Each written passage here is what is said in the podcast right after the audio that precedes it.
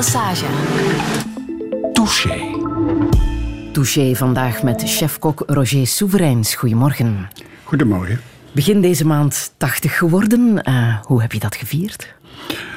Ik heb dat niet gevierd. De Nee? dag van mijn verjaardag heb ik gewoon met enkele goede vrienden een glas champagne gedronken met een hapje. Maar mijn verjaardag heb ik eigenlijk niet gevierd. Ik heb de negende een feest gegeven of gedaan. Er waren 480 mensen ingeschreven. En die, dat was voor mijn boek. Eerst voor het boek. En 65 jaar kok. Het is inderdaad een prachtig boek geworden. Hè? Dat is uitgebracht Roger en ik. Ja. Waar eh, zoveel mensen die bij jou in de leer zijn geweest ook eh, herinneringen hebben opgehaald. Heb je het boek ondertussen al gelezen? Nee, ik heb het boek met opzet niet willen lezen voor het feest. Ja. Omdat ik al die jongens wilde zien zonder één argwaan of zonder één opmerking. En ik ga dat lezen onmiddellijk na nieuwjaar. Dan ga ik nieuwe jaar inzetten met dat boek te lezen. Ja. Ik heb het wel gelezen. Ik zal er straks een paar mooie quotes uithalen. Goed. Ehm, mensen kunnen jou voornamelijk kennen van jouw periode in het Scholtushof natuurlijk. Hè, waar je Ja, ik heb daarvoor 20 een jaar- andere periode gehad, maar die is, is niet in aanmerking gekomen. Dus het, het gaat over die periode inderdaad. Ja, de meest belangrijke periode, denk Dat ik, uit was voor eh, mij een nieuwe evolutie in mijn carrière. Ja, daar zullen we het straks ook uitgebreid over hebben. Maar je kookt nog altijd, hè, onder andere voor eh, zeer grote namen. Ik kook nog altijd, eh, iedere dag voor de familie. En op verplaatsing en in het buitenland. en ik doe diners bij ons, dat, dat table d'amis, waar je kunt inschrijven vanaf tien mensen en genieten Ja. aan, in, in ons huis. Zelfs Hillary Clinton mocht onlangs van eh, jouw eh, kookprestaties proeven. In, in New York. Hillary Clinton. Hillary Clinton was te gast in het restaurant waar ik ga coachen. Bij vrienden, dat zijn heel goede vrienden van mij, die eigenaar en die directeur. En eh, ja, plots onaangekondigd stond ze in het restaurant. Wat vond ze Met ervan? de vrouw van de oude man, de man van Apple die gestorven is Ja. met zijn echtgenote. Steve Jobs. Ja. Twee bodyguards. Ja, en na eten heeft ze gevraagd om de chef te zien. Dus Ik was niet de chef spreken. van het huis, maar ze hebben mij laten, Ah. laten voorkomen. En vond ze het lekker? Ze heeft gezegd van wel. Het is toch wel een eh, hele eer om voor zo'n mensen te kunnen koken, denk Ja. ik. Hè? Dat doet plezier. Hoe zou jij jezelf omschrijven? Zeer eh, gedreven. Moeilijk. Moeilijk in mijn werk. Punctueel. Eh, vind ik heel belangrijk in de keuken, want de gast komt binnen en die wil direct eten. Dus dat is het punt, punctueel is daar heel belangrijk in. Eh, eerlijk. Zeg altijd alles onmiddellijk. Draai me om en ben het vergeten. Ja? Ik, ik heb geen gevoel van, van na eh, haat of na. Dat ken ik niet. Ja, ja. Mag ik zeggen dat jij de pionier bent van eh, de Belgische gastronomie, de peetvader? Nee, dat kun je, mag u niet zeggen. Er zijn er zoveel voor mij en nog zoveel achter mij. Die- Zijn er zoveel voor jou? ja, natuurlijk. En die heel goed waren, allemaal. Die allemaal hun, hun stempel hebben gezet op de gastronomie in het land. Eh, nee, ik heb meegedaan met de groep bij de beste. En daar ben ik gelukkig mee. Ja. Ehm, twee uur lang mogen we praten en eh, dat lijkt mij een voorrecht in deze laatste touché van het seizoen. Eh, Roger Soevereins, welkom in Touché. Radio 1. Friedel Lesage. Touché.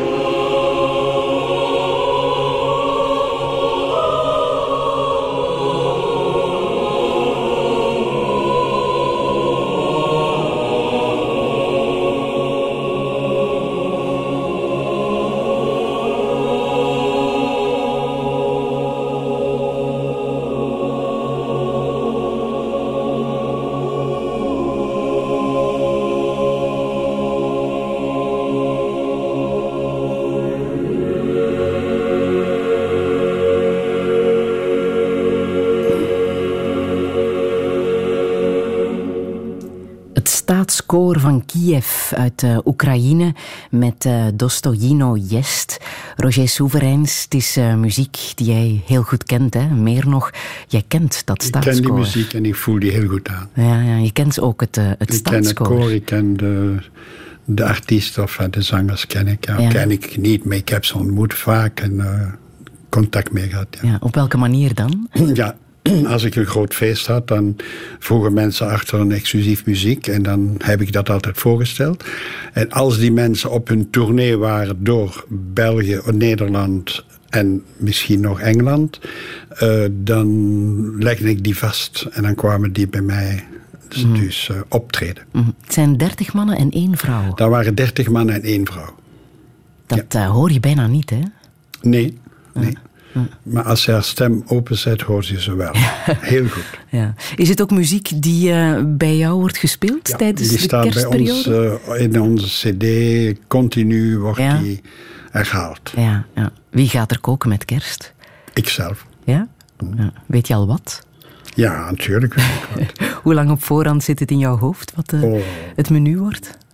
Dat kan nog veranderen, dat menu. Want ik ga morgen vroeg de markt doen en misschien vind ik wat anders. Ja, als er nog iets is. Uh, ja, ja. Ja, toch wel? Er is voldoende op de markt. Ja. Nu, mensen kunnen misschien ook inspiratie halen uit dat boek dat nu is verschenen, Roger en ik. Waarom? Waar uh, zoveel mensen die bij jou in de leer zijn geweest hun herinneringen hebben verteld en ook een recept meegeven. Ja. Uh, zelf heb je ook vijf recepten in het boek laten opnemen. Um, uh, hoe is het voor jou om, om te weten dat er zoveel mensen bij jou het vak hebben geleerd en het zover hebben gebracht? Want er zitten behoorlijk wat uh, sterrenchefs tussen, hè? tussen die Ja. namen die uh, bij jou in de leer zijn geweest. Mhm. Er zijn jongens, ja, ik heb nooit teruggekeken naar achter, ik kijk naar voor. Het is maar toen Jo Bussels, de Radinois, mij gevraagd heeft: Roger, ik wil een boek maken voor u, voor uw verjaardag. Dus toen heb ik pas gaan nadenken en achter mij gekeken en al de namen opgerakeld die ik nog in mijn hoofd had. En hij had ook enkele namen en die mensen zijn gecontacteerd en iedereen op twee na was positief. Ja, Ja, ja. Twee, omdat ze dus niet uh, als chef werken in een groot bedrijf en die eigenaars wouden die boeken niet betalen.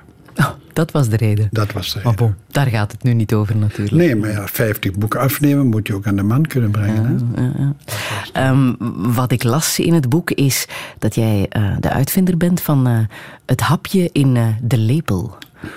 Uitvinding is niet waar, dat heeft altijd bestaan, maar ik heb dat wel op de markt gegooid. Dus mijn eerste receptie dat ik heb gedaan van 700 mensen, dat was het huwelijk voor de dochter van de burgemeester van Kermt. En toen heb ik alle hapjes in lepels gedaan. Dat, is, dat, Mhm. dat heb ik op dat ogenblik bedacht. En ik zei, dat is iets nieuws, dat ga ik doen.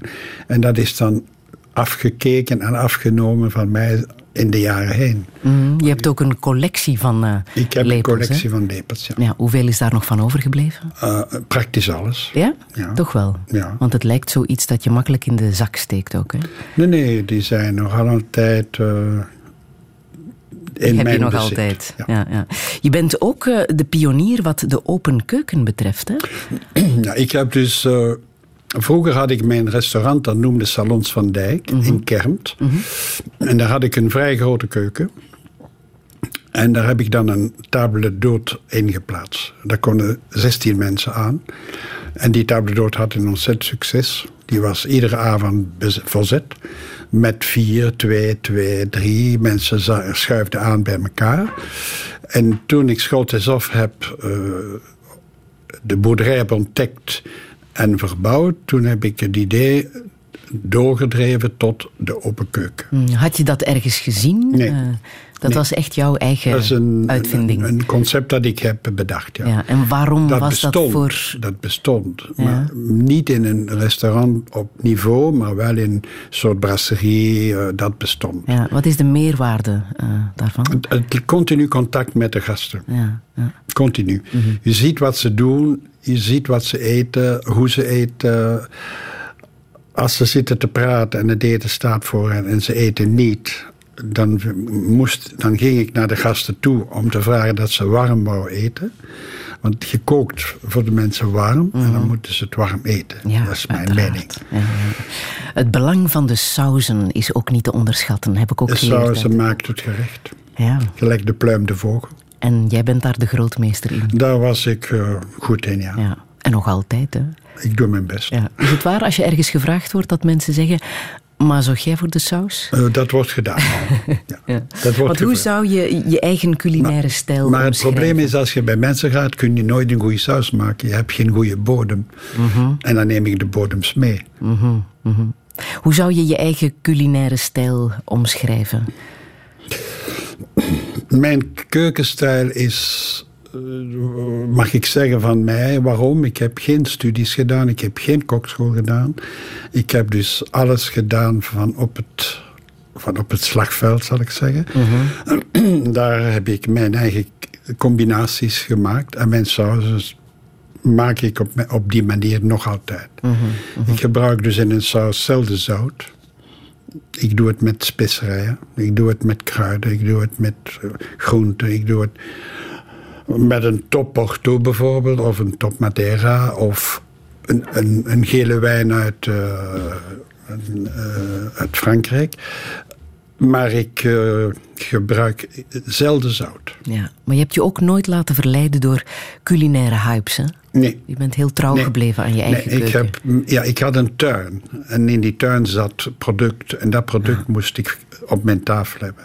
En dan moet je niet verzoeken. Die wortels smaakten naar wortelen. En die raapjes ook. Dat was nooit bespoten, dat was heel puur.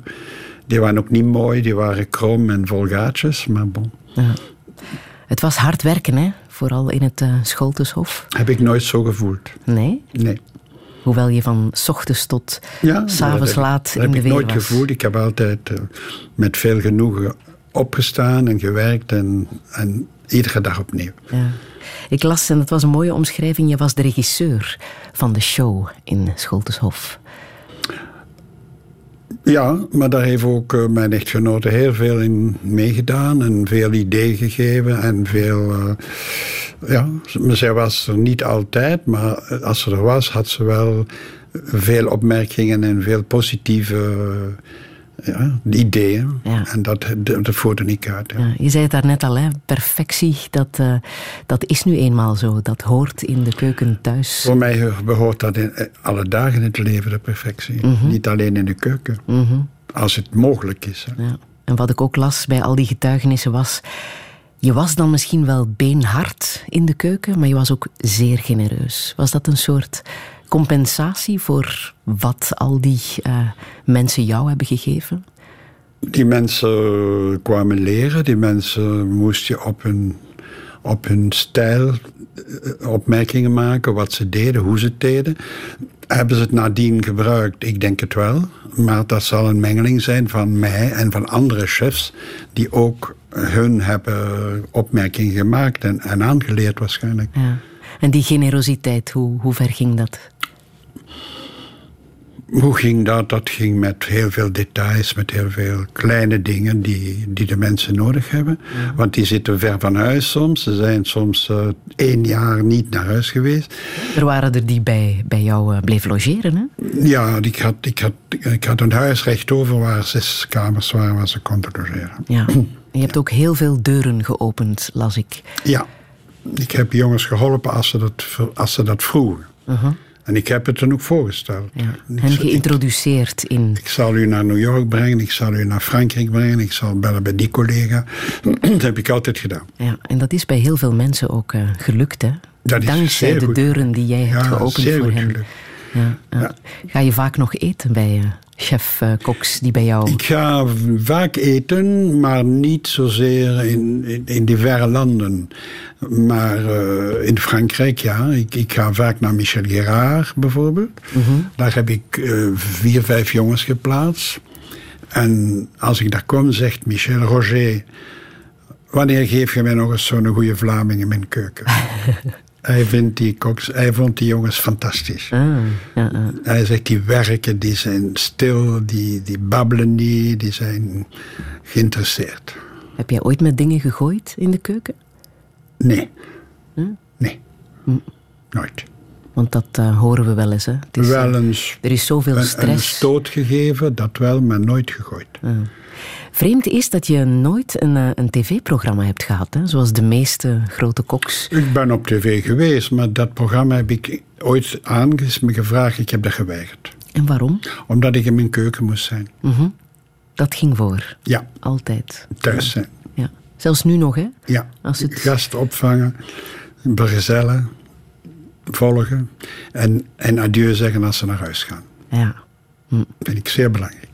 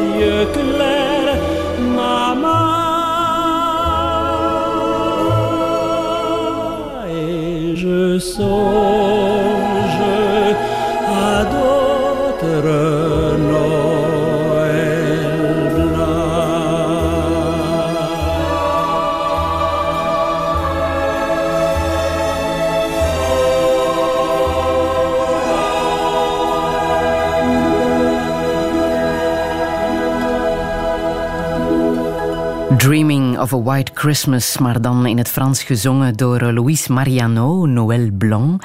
Roger Souverijns, uh, je hebt deze man nog live zien optreden. Die man heb ik driemaal zien optreden in de Forum van Luik. In de, in de entracte van de film ja. kwam hij dus live zingen. En uh, hoe was dat? Dat was uh, fantastisch. Ja? ja, ja? Ik, ja. ik, hoor hem nog, ik zie hem nog voor me staan. Ja, toen er nog gezongen werd uh, tijdens de pauze in de cinema. Inderdaad. Ja. En hoe kwam je in Luik terecht? Ik, heb, mijn, ik ben gestart in 1953 op 1 mei. Ben ik gestart in Luik in de Concordia, restaurant Concordia. Mm -hmm. 1 mei 53, toen was jij 14, 14 half. Ja, dat is jong hè? Dat is jong, ja. Hoe kwam je daar terecht? Ik was uh, in de ambachtsschool van Tongeren. Mijn vader wou dat ik elektrieker werd. Maar ik wou het niet. En ik wou kok worden. En dan ben ik uh, op mijn eigen benen naar Luik getrokken, de tram genomen en gaan zoeken naar een job. En ik had dit adres gekregen van mensen uit Hoeselt, die mij gezegd hadden: onze neef die heeft daar een restaurant. En zo ben ik daar begonnen de week later. Dat was een hele onderneming, denk ik, hè, van uh, jouw... Uh... Ik vertrok per fiets, morgens om zes uur. Ja. En ik kwam naartoe om half negen of om acht uur. En waarom wou je zo graag koken? Omdat dat in mij zat, omdat ik daar... Ik voelde dat. Uh, mijn moeder kookte fantastisch. Ja? En ik volgde haar in de keuken al op. Ik hielp haar. En, mijn moeder ging ook feesten doen soms. Af en toe ook een feest bij vrienden, kennissen. En dan ging ik mee om op te dienen.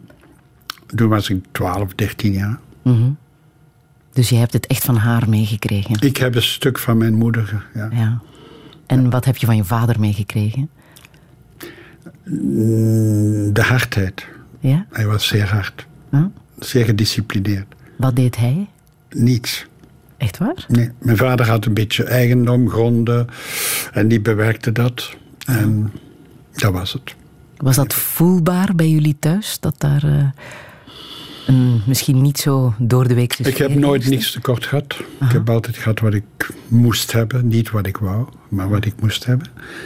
Nee, ik heb dat, wij, wij, aten zeer goed, zeer gezond. Alles uit eigen tuin, uit eigen land, uit, uit eigen stal. er werd geslacht regelmatig. Uh, mijn vader bakte brood, eigen brood. Uh, dus ik heb een zeer gezonde opvoeding gehad. Ja, nochtans, de oorlogsjaren meegemaakt? Nee, ik ben geboren in 38, uh -huh. ja. Mhm. -huh. Ik was een klein kind. Daar heb je geen. Uh... Ik herinner mij wel de Amerikanen die met de camions uh, langs de weg kwamen bij ons en die confetti uitgooiden en chocolade. En dat moet zijn in 45. Mhm. Dat herinner ik me nog. Ja. Dat zie ik nog voor mij. Ja. Hoe lang ben je dan in uh, Luik gebleven, in, in het restaurant? Tot half 39, veertien maanden ben ik Mhm. Luik gebleven. Mm. En toen? En dan ben ik naar Brussel getrokken. Ja. Want daar... Uh... En daar ben ik uh, binnengestapt in het Plaza Hotel. Mm. Heb je daar echt het vak geleerd? En daar heb ik uh, dan Freddy van de Casserie, zijn vader, ontmoet. Mm -hmm. Die was er keukenchef. En dat klikte onmiddellijk. En daar ben ik gestart. Ja. En waarom klikte het tussen jullie? ik voelde die man aan en hij voelde mij aan. Hij was uh, zeer lief, zeer leuk en lieve man. Ja. Was het daar ook dat je die combinatie van hotel en restaurant hebt uh, nee. uh, ontdekt? Nee. nee, dat is veel later gekomen. Ik heb nooit hotel in mijn hoofd gehad. Nee? Maar het Schottershof leende zich ertoe, de, de ruimte was er. En dan heb ik dat hotel toegevoegd, omdat ik toch heel veel buitenlandse gasten had. En die moesten dan in Hasselt gaan slapen, vroeg voordien. En dat vond ik een beetje spijtig. En daarmee heb ik dan een, een hotel met uh, 19 kamers uh, ja. gemaakt. Maar voor je aan het Scholtershof bent begonnen, was er eerst nog uh, de restaurants en de traiteurzaak van Dijk. Ja. Je was um, 23 toen je eerste restaurant openging? Nee, 24,5. Ja, je rekent echt in halfjes. Ja. Nee, zo is het. Ja, in, in 61 denk ik. ben december geboren en Ja. ik heb dat geopend. Ja. Nee, Hasselt heb ik geopend op 1 september 61. Ja, ja, restaurant Van Dijk in Hasselt. Hoe waren de reacties toen? Want je was een jonge kerel van begin de 20. Uh, ik heb daar het geluk gehad dat ik uh, opgevoed ben in het Frans. Ja. Door mensen die bij ons zijn gevlucht, Franstalige mensen. En die hebben mij de eerste woorden Frans leren. En mijn moeder sprak perfect Frans. En mijn vader sprak behoorlijk. En dan ben ik in mijn beroep gestapt. En het Frans heeft mij jaren vooruit geholpen. Ja?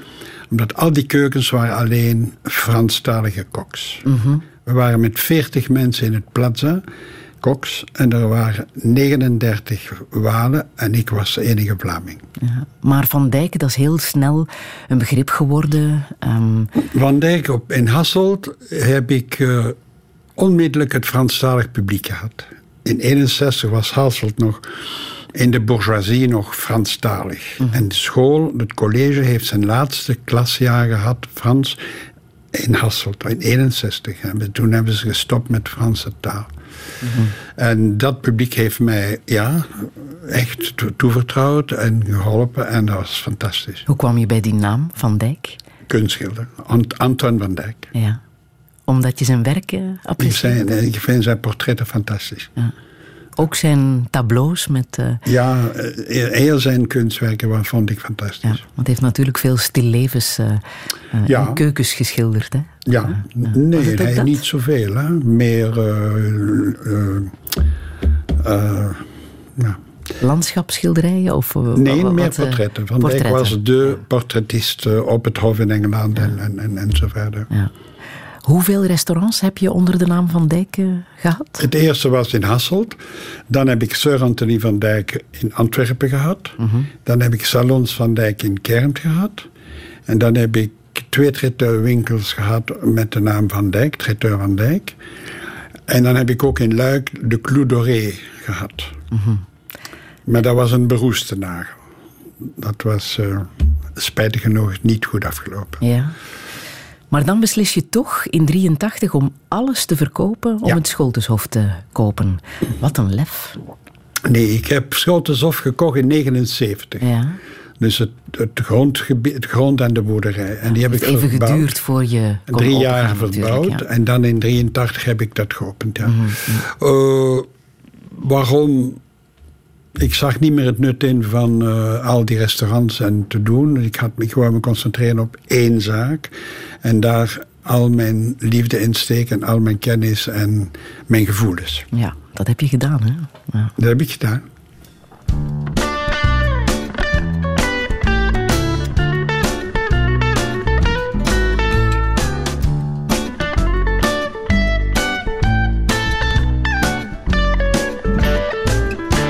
Ik heb niet lang op school gezeten, vrijwel altijd dacht ik, och, als ik straks heel veel zal weten, wat weet ik dan eigenlijk nog?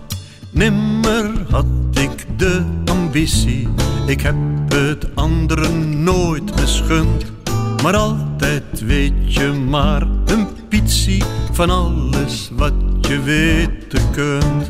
Het leven is een bitterbal. Niemand weet hoe die Kees weet alles van de Grieken, Sophocles en Oedipus. Hij weet alles van klassieken, maar weet niets van appelmoes. Ans weet alles van hormonen, verder weet ze ook geen moer weet geen barst van bruine bonen en geen zak van kippenvoer. Het leven is een bitterbal, niemand weet hoe die Jan weet alles van de lever. Wat je er maar van weten kan, maar vraag hem nooit iets van jenever. Daar weet Jan de ballen van. Henk weet alles van bacillen. Elk microopje zegt hem iets. Maar twee magistrale billen, zeker weten die doen hem niets. Leven is een niemand weet hoe die weet je. In die clevere kringen voel ik mij soms aardedom ook al gaan de grootste dingen buiten alle weten om. Mijn iets wat bekrompen kreten zet ik dus maar niet meer voort. Want zij die het allerminste weten, zijn vaak het langste aan het woord. Het leven is een bitterbal. Niemand weet hoe die rollen zal.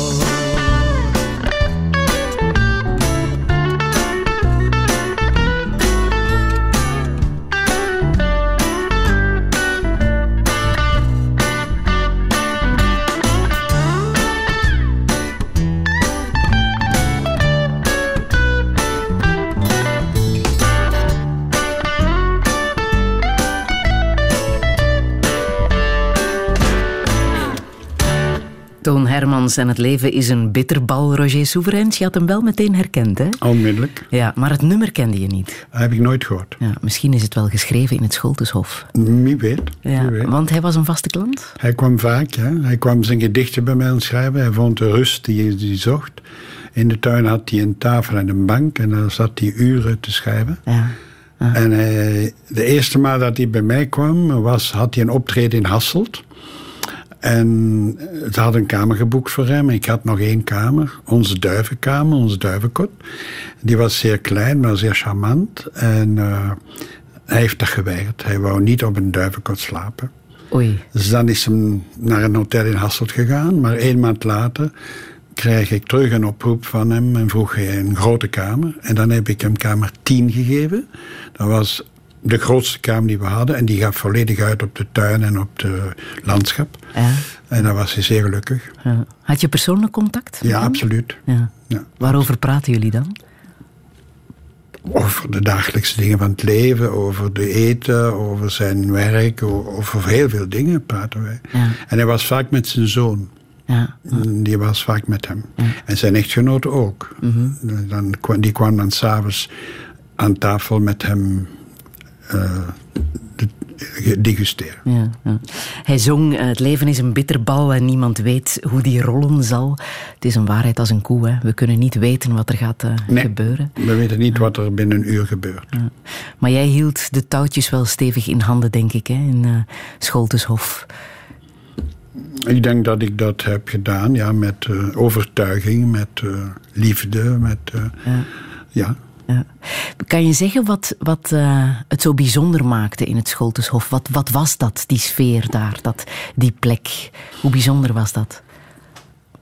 Schottershof was een bedrijf, moet ik het zo zeggen, want ik had 40 mensen in dienst. Dat eh, eh, in de lijn lag van de behoeften van de mensen op dat ogenblik. En het cliënteel dat ik had, of dat, dat mij bezocht, was daarvoor klaar. En eh, ja, ik bood natuurlijk een tuin aan van 13 hectare met alle groenten, alle fruit, al mijn gevogelte, mijn lammen, alles kwam vanuit de tuin of van het domein.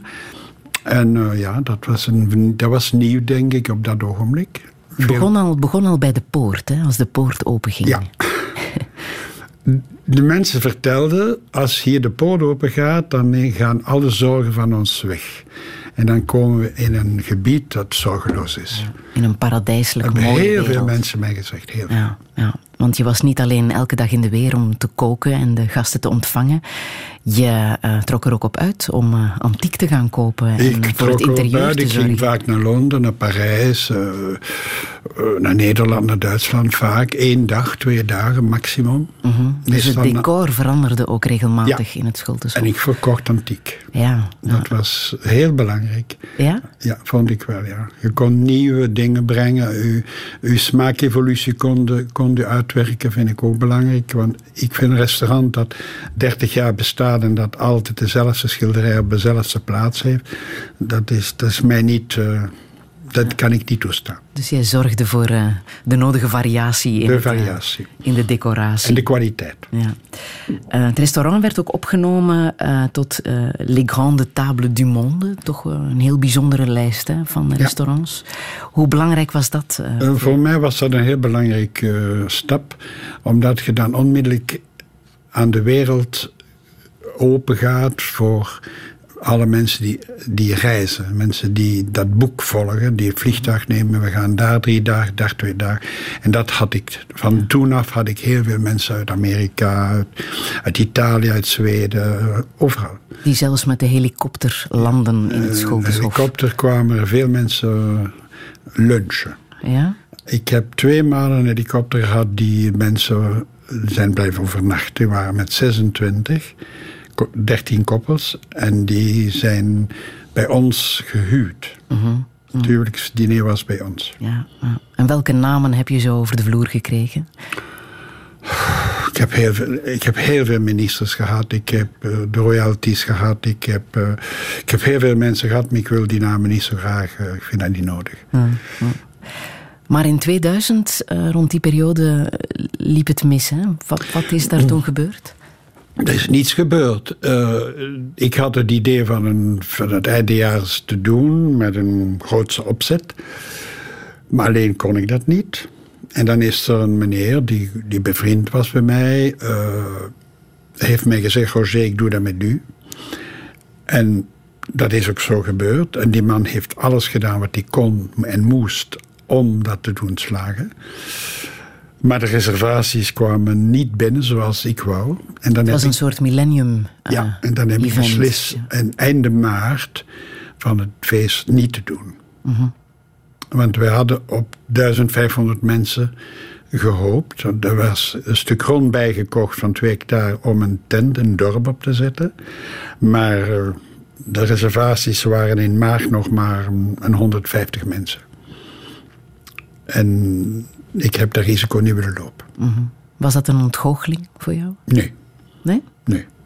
nee. Maar het was ook genoeg geweest op dat moment? Nee, het was niet genoeg, maar ik, uh, ik was geen ontgoocheling. Ik was eigenlijk blij dat het niet doorging. Ja? Want dat had geen kans tot slagen. Mm -hmm. Dat voelde ik toen. Mm -hmm. Maar je bent er toen ook mee opgehouden, hè, met Scholteshof? Dat was, nee, ik ben uh... opgehouden in... Uh, ja, ik heb het verkocht in 2000. Ja, ja. dat klopt. Sorry. Ja. 2000 heb ik het verkocht en ik ben daar weggegaan op uh, 10 oktober 2001. Ja. Maar was dat niet moeilijk om jouw levenswerk uh, te koop te zetten, daar te vertrekken? Nee. nee? Als ik beslis van iets te doen en het is gebeurd, dan is het bij mij ook gedaan. Mm -hmm. Je hebt het verkocht aan uh, een van jouw chef-koks. Een van de jongens die bij mij had gewerkt, verschillende jaren. Ja. Maar helaas is het uh, ook twee jaar later failliet gegaan. Hè? Je Ja. heeft het niet Ja. kunnen, kunnen volhouden. Ja, daar ga ik geen antwoord op geven. Nee, ik wil niemand eh, een steen toewerpen dat het niet goed gedaan is. Eh, Hij heeft het gedaan op zijn manier. En, Maar die wonderlijke plek waar jij zo hard hebt gewerkt in Ja. de tuin en aan dat huis, dat is nu een ruïne, helemaal dat is overwoekerd. nu eh, verdoemd om in te storten. Ja. Ja. Spijtig. ja. Dat vind ik spijtig. Maar bon, Ben je nog teruggegaan? nee. Ja, eenmaal ben ik moeten teruggaan op verzoek van de deurwaarder. Mhm. Ben ik geweest. En dan van ten toen ben ik, dat is in 2000 en eh, denk ik drie geweest. Of ja, zoiets ben ik daar naartoe geweest, ja. Maar het idee dat dat nu een overwoekerde plek is waar alle glorie uit verdwenen is, eh, doet dat geen pijn? Ik geloof in, in de waarheid en wat moet gebeuren, gebeurt. En Ja? dat is ook gebeurd. Ja? Hoe krachtig de natuur is en hoe mooi ze ooit is geweest daar. Ja. Ja. Ik ben akkoord, maar ik kan daar niets aan toevoegen. Ja. Ondertussen heb je een andere mooie plek, hè?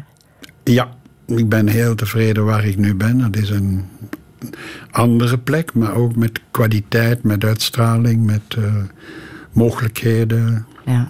Dat is de plek van eh Walda Perron. Dat is de plek van Walda, ja, waar zij werkt, waar, zij, waar wij leven. Ja. Hoe ziet die plek eruit? Hoe die eruit ziet. Ja. Eh, dat is, er zijn twee, twee panden. Eén pand waar zij haar, eh, haar voorstellingen doet, haar decoratie te bezichtigen is. Daar wonen we. En een ander pand, dat is een groot glazen paviljoen. Het is eh, 20 meter lang en en 9 meter breed. Eh, en daar, eh, dat is meer een orangerie waar planten staan, waar appelsienbomen staan met appelsinen, citroenbomen met citroenen aan. En daar is de tafel gedekt en in dit kamer heb ik een keuken. En daar kook ik voor de gasten en voor ons. Ja. ja. Je hebt je passies mee verhuisd, hè? Ik heb mijn passie meegenomen, ja. Ja, ja. En eh, hoe vaak eh, maak je daar nog eh, een maaltijden klaar voor? Iedere dag voor de familie, uiteraard. Voor de vrienden. En diners eh, zelf heb ik dit jaar, dit jaar niet zoveel gedaan. Omdat ik heel veel in het buitenland ben geweest. Ik ben eh, vier maal in New York gaan koken. Ik ben in Portugal eh, vijf of zes keer gaan koken. Ik, ik, en als ik een week weg ben, ja, dan kan ik geen diners doen. Ik heb toch een twaalftal diners geweigerd. Doordat ik in het buitenland was. Ja. Want dat heb je ook meteen gedaan na Scholteshof, hè? Je bent, je bent wel blijven koken Nee. op locatie. Na Schottershof heb ik eh, een jaar en een half heb ik een zware operatie gehad. eh, nekoperatie. En dan als die hersteld was, ben ik twee jaar in de pêcheur geweest in Smarteslaten. En daar heb ik... ze hebben mij daar gevraagd om orde op zaken te zetten. En dat heb ik gedaan. En dan heb ik eh, nadien heb ik een, een auto-ongeval gehad. Ben ik niet teruggegaan, ben ik naar Bosenstein, de golfclub in Broechem. Daar ben ik ook geweest, die man had problemen en daar heb ik ook een handje toegestoken. En dan ben ik daar gestopt en dan ben ik terug zelfstandig begonnen. Ja. Koken ga je doen tot het einde van je dagen, denk ik. Ja, als dat kan, als mijn gezondheid het toelaat. Ja. En mijn geest. Belangrijk.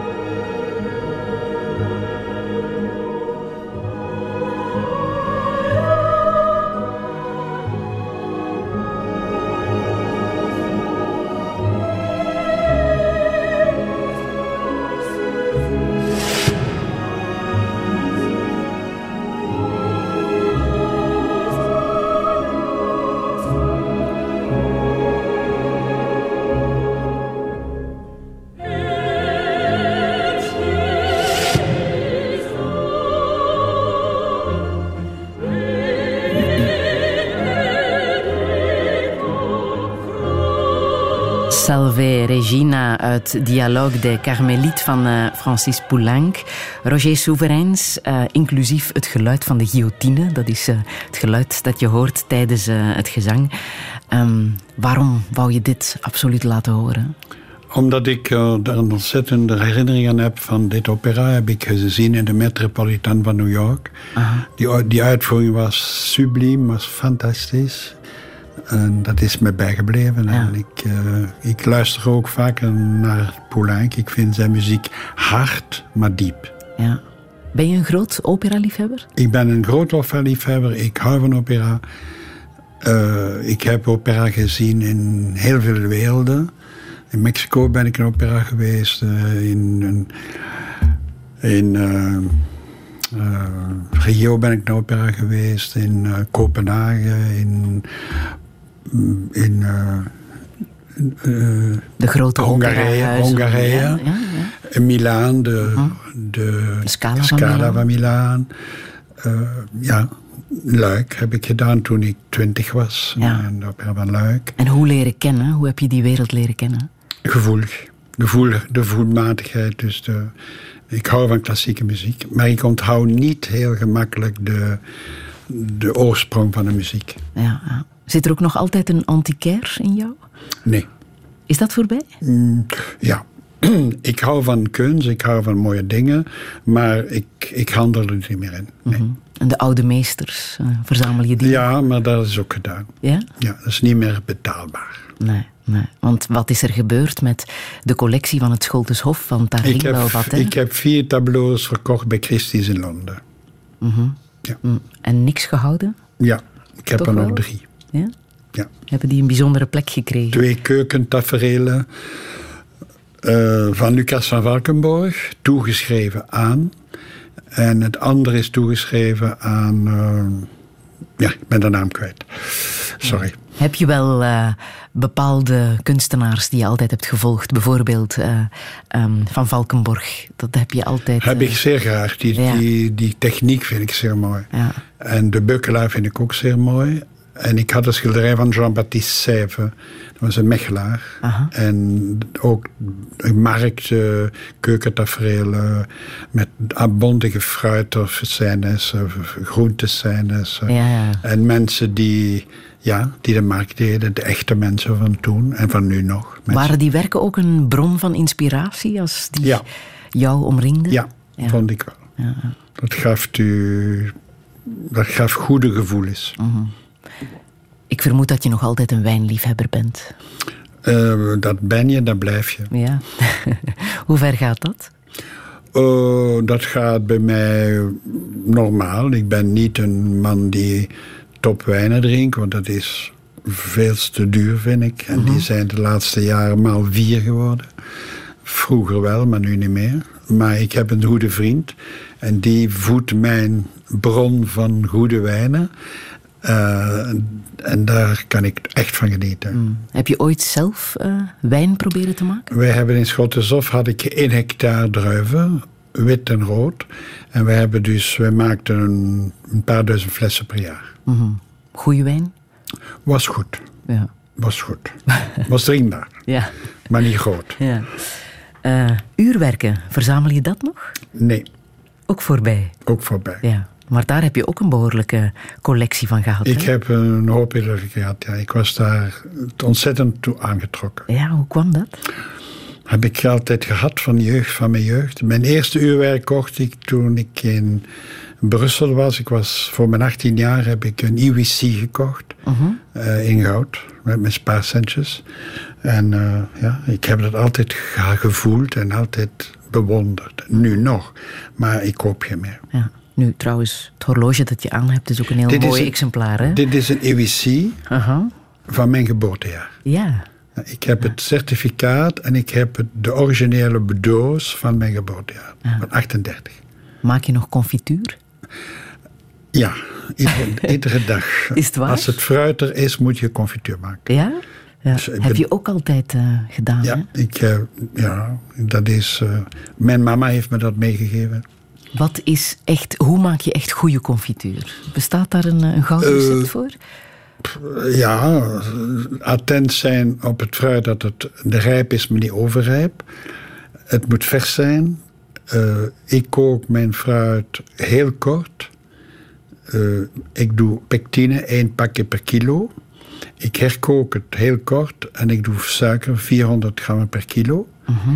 En ik laat het opkoken. Ik kijk of de, de gebondenheid aanwezig is. En het gaat in de pot. Is het waar dat je duizend potjes confituur... Uh, je maakt in mijn leven. Per, per, jaar? In jouw leven allicht wel. Uh, ja. Per jaar, vorig jaar heb ik er waarschijnlijk uh, een 600 gemaakt. Ja. Hm. ja. Daar heb je het geduld voor. En de drie kwart, nee, 40% daarvan is voor me aan te bieden. ja, het zijn mooie geschenken, hè? Ja, Als je zelf conf- confituur maakt. Ja. ja. Ik heb nog muziek uit de film Singing in the Rain. Oh, Wat eh, zegt souvenir. dat? Ja? souvenir van die film is toen ik heel jong was, ben ik gaan zien in Brussel. Ja, ben ik in Brussel gaan zien, dus eh, ik, ik weet het jaar niet meer. Ja, hij is uitgekomen in 1952. Nee, maar ik ben hem gaan zien eh, later. Ja, ja. Ben je zelf een goed danser? Ja, Echt waar? ja, Een beetje zoals Gene Kelly? anders. Wat dans je het liefst? Oh, ik dans graag een wals en ik ben ook eh, zeer goed in Charleston. Aha. Eh boogie, dat gaat ook. Ja. Maar ja, de- nu is dat een beetje voorbij. We zullen Gene Kenny, Kelly zijn eigen Singing in the Rain nog eens Oh, laten prachtig. dansen. Ik heb die film toch drie maal gezien.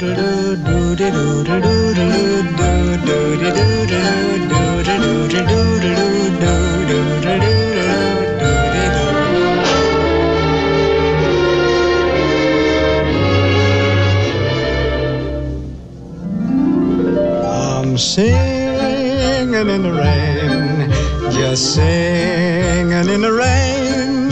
What a glorious feeling, I'm happy again.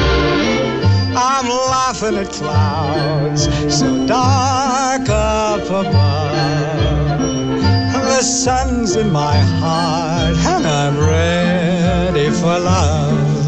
Let the stormy clouds chase everyone from the place. Come on with the rain, I've a smile on my face. I'll walk down the lane with a happy refrain, just singing, singing in the rain. Dancing in the rain.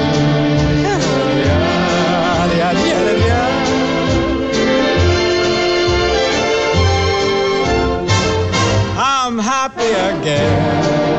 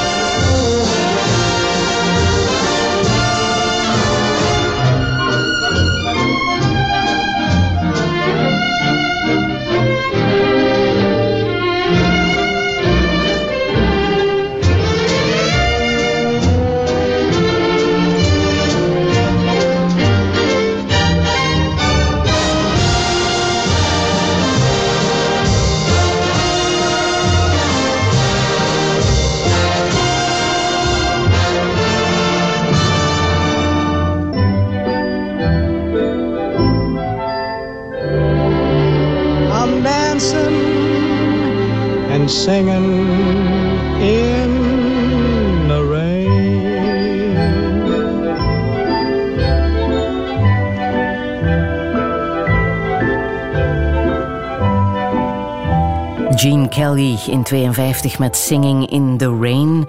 Eh, we zijn dat een beetje vergeten, maar die film ging over de overgang van de stomme film naar de geluidsfilm.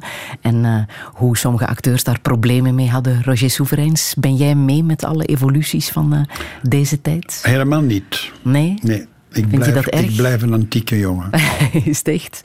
Dus eh, computers en eh, iPad en zo, dat Nee, is niet aan ik jou heb het geluk dat Raphaël Perron dat opvangt voor mij. Mijn echtgenoot doet er ook aan, aan mee, maar eh, ik persoonlijk... eh, Je hebt daar personeel voor, we zullen Gaat het zo het niet zeggen. We praten zo meteen verder, Roger Soevereins. Tot zo. Radio 1. Friedel Lassage. Touché. Touché vandaag met Roger Souverains, net 80 geworden en al 65 jaar niet van het kookfornuis weg te slaan. Noem hem gerust de peetvader van de Belgische gastronomie. Tal van sterrenchefs gingen bij hem in het Scholteshof in de leer. Een periode van keihard werken, maar ook van veel inspiratie. De keuken voedde mee zijn liefde voor decoratie, wijnen en oude meesters. Maar hoe moet het verder? Zijn sterrenrestaurants nog van deze tijd? En eten we straks allemaal bio en veggie? Dit is Touché met Roger Souverains. Een goede middag.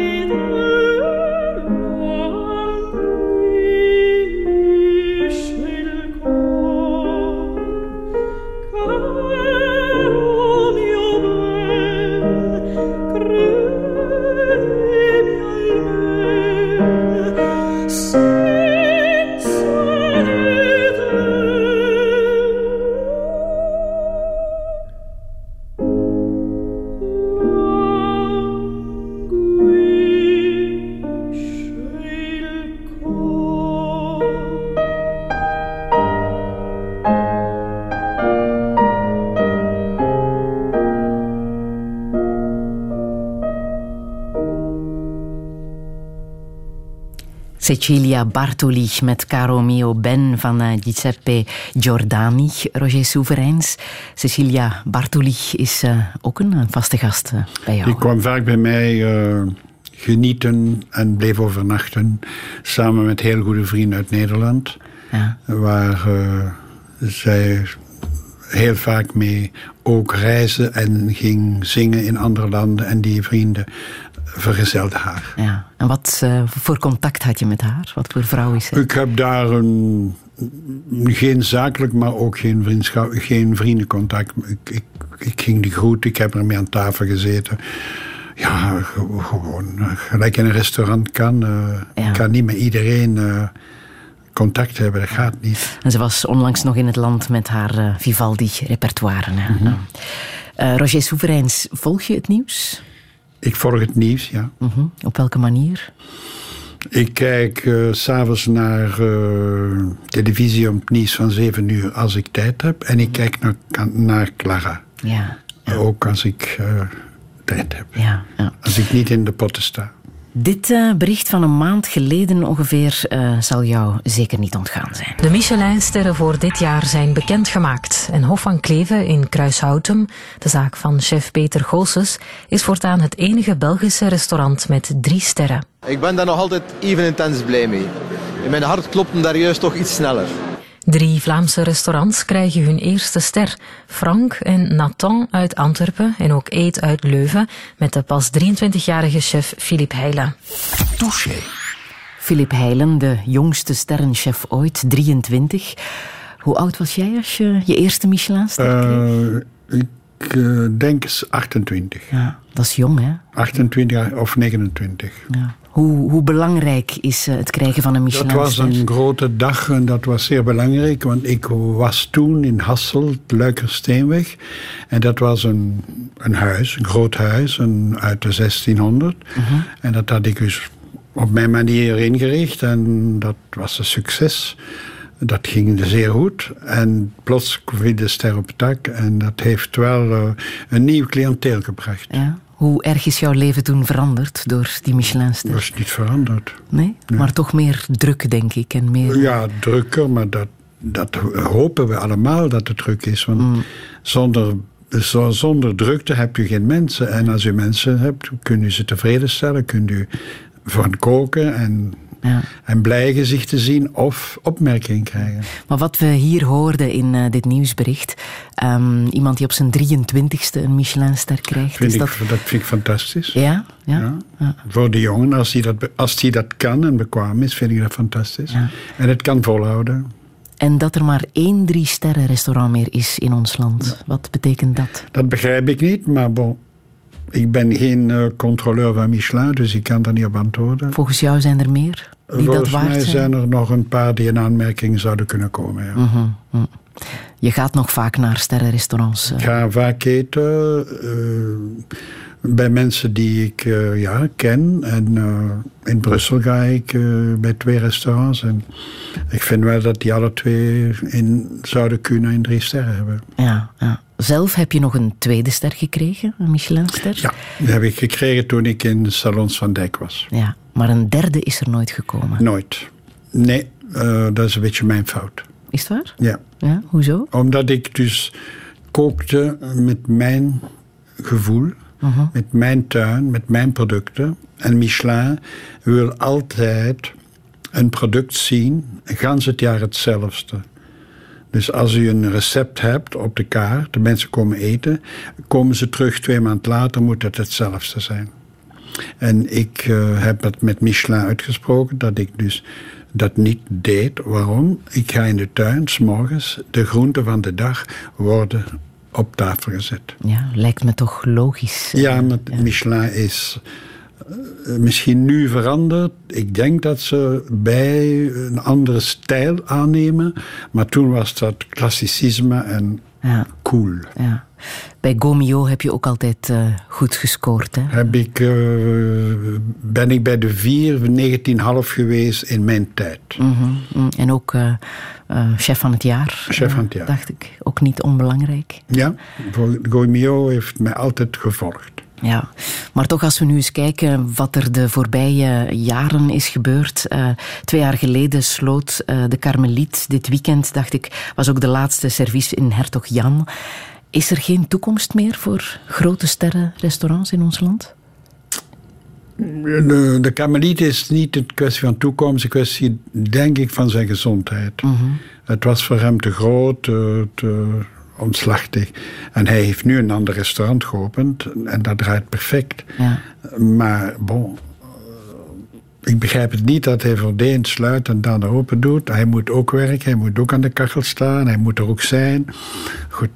En de hertog Jan begrijp ik. Ik denk dat het een overinvestering was.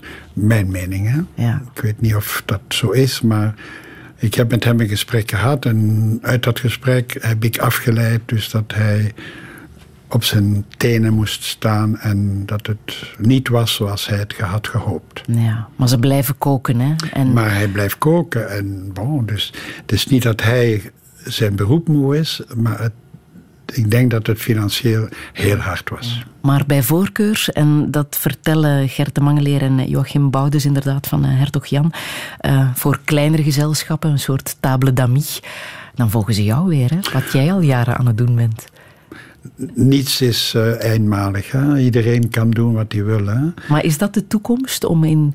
Mm, ik heb, in, uh, ik heb in uh, twee, uh, 1997 heb ik voorspeld dat de toekomst zal een huiskamerrestaurant zijn. Mm -hmm. En daar zijn we mee bezig. Ja, kleinere gezelschappen. Kleine, kleine huizen, weinig personeel. En dat heb ik toen voorspeld. Ja.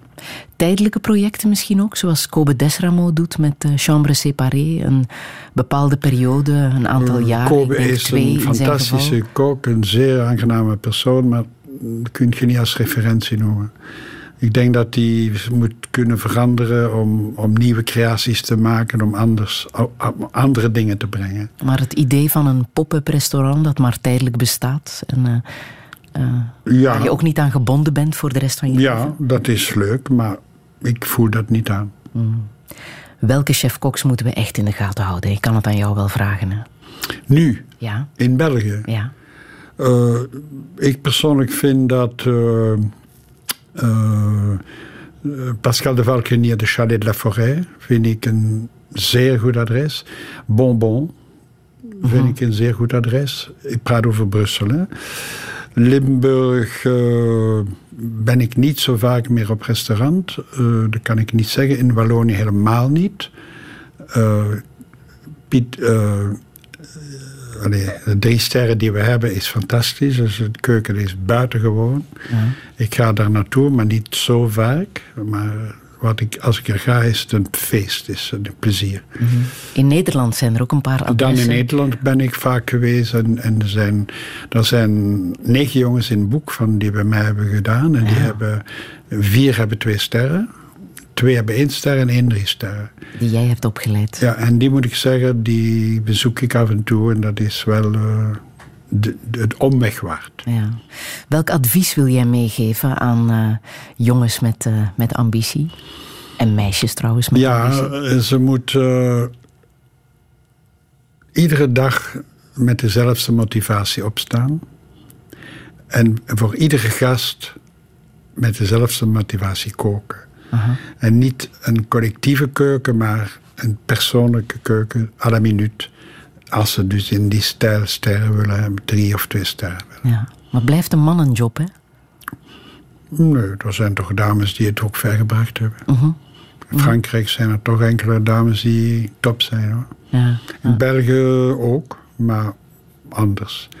Maar voor een mama is het moeilijk, ja. vind ik. Ja, Ehm, dit jaar hebben we ook afscheid genomen van twee Franse topchefs. Hè. Ja. Begin dit jaar stierf eh Paul Bocuse, ja. en eh, van de zomer Joël eh Robuchon, ja. Heb je ze gekend? Ik heb die persoonlijk gekend, alle twee. Ah, Ja. Paul Bocuse heb ik zeer goed gekend, ben ik heel regelmatig geweest. Ik heb met hem ook gekookt op, op de Daphne, de cruiseboot de Daphne, Mhm. en op de Mermoz. Dat waren de gastronomische trips van zes dagen. En daar waren vijf, zes Franse chefs en ik als Belgische chef. En er was ook een, een Italiaanse chef. We waren met zes chefs in totaal. Mhm. En daar heb ik hem ontmoet vaak. Op welke manier hebben zij jou geïnspireerd? Ik kan zeggen dat ik veel dingen heb gezien bij hun, dat ik dus niet wou namaken, zeker niet. Omdat die keuken zo'n persoonlijk karakter had, dat je dat niet kunt evenaren. En ik ben nooit een, een kopieermachine geweest. Ik heb altijd mijn eigen creaties gedaan. Wel afgeleid van bepaalde restaurants waar ik ging eten, dat ik daar ideeën op deed, dat wel.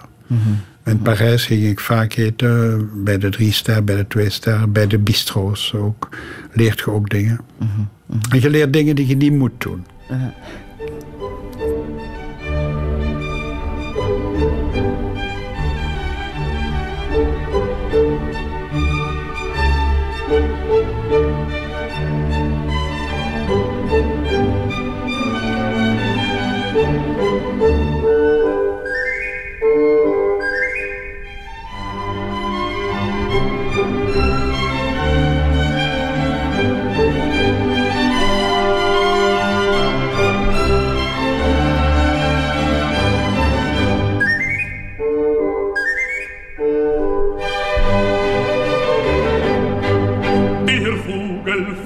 Vogelfänger bin ich, ja stets lustig, heiser Hopsassa. Ich Vogelfänger bin bekannt, bei alt und jung im ganzen Land.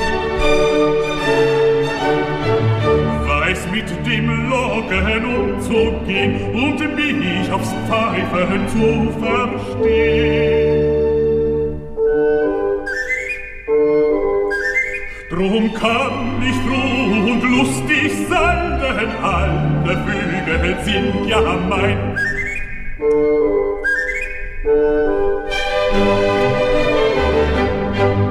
Der Vogelfänger bin ich ja stets lustig, heiser Hopsassa. Ich Vogelfänger bin bekannt, bei alt und jung im ganzen Land. Ein Netz für Mädchen möchte ich, ich fing sie dutzend weiß für mich.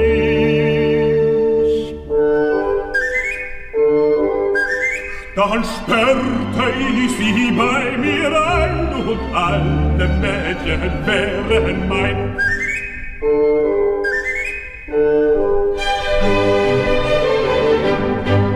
Wenn alle Mädchen wären tauschte ich brav Zucker ein. Die, welche mir am liebsten wär, der gäb ich gleich den Zucker her. Und küsste sie mich zärtlich, dann wär sie mein Weib und ich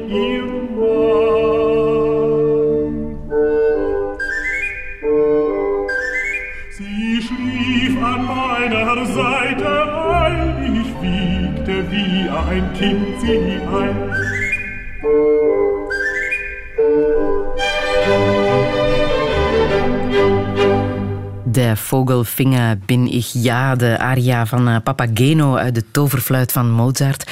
Roger Souverains, ik dacht dat ik je hier ook wel mee een plezier kon doen. Het is een van jouw favoriete aria's. Ja, ik hou van deze aria, absoluut. Ja, ja. je zei zo net, uh, je kan uh, overal heel veel leren, ook wat je niet moet doen als chef-kok in de keuken. En dat is... Ja, dat is de vorming van uw beroep. Je moet de goede dingen oppikken en wat u minder goed vindt, niet, om, niet meenemen. En als voorbeeld, uh, dat heb ik ook altijd gedaan met mijn gasten. Als een gast een opmerking maakte, was ik blij, want daar leer je uit. Ja. En daar groei je mee, ja. met opmerkingen. Je uh-huh. groeit niet met felicitaties. Uh-huh. Wat zijn de negatieve verleidingen waar een chef-kok wel eens mee te maken kan hebben? Want jullie gaan natuurlijk om met veel lekker eten, drinken. Ja, uh, naast je schoenen lopen. Uh-huh. Dat is niet goed. Dat is gevaarlijk. Je moet ja. uh, positief denken. Je kunt soms wel eens iets doen wat niet positief is, maar uh, dat duurt niet lang. Uh-huh. Hoe nefast kan alcohol zijn in de keuken? Ik heb nooit gedronken, dus ik kan niet antwoorden. Ik ben uh, niet onthouder. Ik, ik geniet van wijn aan tafel. Uh, ik drink nooit bier, nooit aperitief, nooit poescafé. Alleen een glas wit, rood en, en soms een glas champagne. Mm-hmm. En water. Ja. Maar zie je het daar soms ontsporen bij chef-koks? Ja, heel veel. Uh, is het waar? Ja. ja. Hoe ver gaat dat? Zeker in mijn tijd. Nu denk ik dat dat toch verminderd is. Ja. De jeugd heeft, voelt het anders aan. Maar in mijn tijd was het een catastrofe. Mm. Een catastrofe. Mm-hmm. Wat heb je zo zien gebeuren? Op een avond in de plaza was ik in de keuken met Popol. Twee leerlingen. En om zes uur was er geen één kok. En om kwart na zes kwam de eerste binnen. Crimineel zat. En de tweede, en de derde, en de vierde. En zo kwamen er tien, twaalf binnen waar allemaal crimineel zat. En we hebben ze alle, alle tien in de koelkast op de grond gelegd. En we zijn beginnen te werken. En om negen uur kwam de eerste uit de koelkast en dan de tweede en zo. Onvoorstelbaar. Mm. Daar heb jij geleerd wat. En dat was dagelijks brood. Mm. Mm. Niet alleen in de keuken, denk ik, zie je het goed en kwaad wat eten en drinken kan meebrengen, maar ook aan ja. tafels. Hè? Ja, die mensen die hadden geen besef van uh, en respect voor hun beroep. Mm. Maar heb je dat ook gezien, dat het aan tafel ook wel eens fout kon lopen als er ja. veel uh, ja. drank in de man is? Zeker als je een hotel hebt, dan gaan de, laten de mensen zich gaan omdat ze gaan nadien naar, naar een kamer. Uh-huh. En dat heb ik toch vaker gehad, dat ik ook gezegd heb om half één, één uur, sorry, ik serveer niets meer, het is gedaan. Uh-huh. Uh, mm. het is fini. Waar nu aan de kerstdis wel eens wordt over gediscussieerd, is uh, ja, uh, mensen die uh, vegetarisch zijn geworden, veganistisch, die glutenvrij willen eten. Dat zorgt tegenwoordig ook voor discussies aan tafel. Hou jij daar rekening mee? Als dat gevraagd wordt, ja. Mm-hmm. Op mijn feest heb ik, had ik acht mensen die gevraagd hadden: drie glutenvrij, drie aten geen, geen vis, twee aten geen foie gras daar heb ik, ja, heb ik uh, regenschap mee gehouden. Ja, maar dat was vroeger niet het geval, denk ik. Hè? Heb ik nooit gekend. Nee. nee. Mm, mm. Nooit. Mm. Ja, we eten geen look of we eten dat niet, maar eigenlijk zo in de diepte gaan van nooit. Ja. Sterrenrestaurants vinden het wel lastig, hè? Dat mensen uh, hun, uh, hun uh, Nee, ik vind als ze dat voor, als, ik vind als ze boeken en ze zeggen dat ze dat wat ze willen, is dat gemakkelijk. Mhm. Maar als u aan tafel zit en dan nog begint met, dan is het moeilijk. Ja. Lust jij alles? Hm? Lust jij alles? Ik lust alles. Ja? Maar ik verdraag niet alles. wat is het verschil? Uh, ik lust het, maar als ik komkommer eet, dan heb ik drie uur last van opwerpen. Ja. Als ik paprika eet, rauw, onmogelijk. Jij smaakt ook echt wat goed brood is. Ja, dat is zo, ja. ja. Dus ik kan, ik kan alleen maar zeggen dat ik alles kan eten, maar dat er dingen zijn die mij niet lusten. Ja. Dus ik draai het om. Ja. Maar jij weet, dit is goed brood en dit is minder dat goed verschil brood. proef ik ja, toch, ja. ja. Mm, dat merk je aan de vertering. Ja, ja ook al. Ja. Geloof jij in het biolabel? Nee. Nee? Nee. Waarom niet? Omdat het land niet bio is. De boer is bio en de zij, de boer ernaast, die spuit. En die spuit uh, waait over naar de, naar de buren. Ik geloof daar niet in. Mm -hmm. Voor mij is dat een zware investering voor veel mensen, maar ik ben er niet zo 100% ermee verzoend. Mm -hmm. Nee. Mm -hmm. Dat is te vroeg. Te vroeg? Ik vind dat, uh, dat iedere boer moet bio doen dan. Mm Enfin, mijn mening, hè? Ja. Ik, uh, en de prijskaart die ze erop plakken is ook een beetje, vind ik, overdreven. Ja, ja. Heb jij ooit een dieet gevolgd? Uh, ja, ik heb, uh, ik heb vroeger heb ik vaak, ja, we willen 10 kilo afslanken, dan heb ik een dieet gevolgd. Ja. En het is gelukt. En het dat is een is goed, goed dieet. Mijn eerste afslanking was van 115 naar 65 met tyfus. Oei. Ik was in India en daar heb ik een tyfuskoorts op gehad. En hoe uh, heb je dat uh, gekregen? Uh, met te gaan eten bij het volk. -huh. Met de hand in de pot. Ja. Ik wou niet met, met de groep gaan eten, want dat was allemaal chic. Ik wou het, de keuken kennen van India en bij de, de gewone mensen in gewone restaurants gaan eten. Ja. En wist je meteen dat het een uh, tyfusinfectie was? nee, dat hebben ze vijf weken achter gezocht en dan is het, in, in het Tropisch Instituut is het ontdekt. Ja. En hoe ernstig was het? Ik ben vijf maanden oud geweest. Ja, ja. Vier en... maanden in de kliniek gelegen. Gevreesd voor jouw leven? Hmm. Op een zeker ogenblik heb ik wel daarover gedacht. Ja. Heb ik de dokters aan bed geroepen en zeg: Ja, heren, zeg mij de waarheid. Uh, ja. Uh, ja, we hebben geen waarheid, we weten niet wat het is. We sturen u naar het Tropisch Instituut. Ja. Maar vijf maanden oud, dat was behoorlijk dramatisch, denk dat ik. Dat was dramatisch voor mijn zaak. Ja. ja. Maar ik heb, de bank heeft mij ontzettend ondersteund en uh, het is allemaal goed gekomen. Ja. Wat doe je om gezond te blijven? Want je ziet er stralend uit ik, op je tachtigste, als ik dat mag zeggen. Ik eet uh, zeer gezond, vers, matig. En ik drink uh, meestal maar drie dagen in de week een glas wijn. Is dat ook belangrijk? Eten we te veel? Als jij nu zegt van ik eet matig. Ik denk dat de meeste mensen te veel eten. Mm -hmm. En ongezond. Ja. En ik snoep nooit tussendoor. Ja. Niets. Dat is ook gevaarlijk. Koekjes, pralineke, geen. Ja. ja.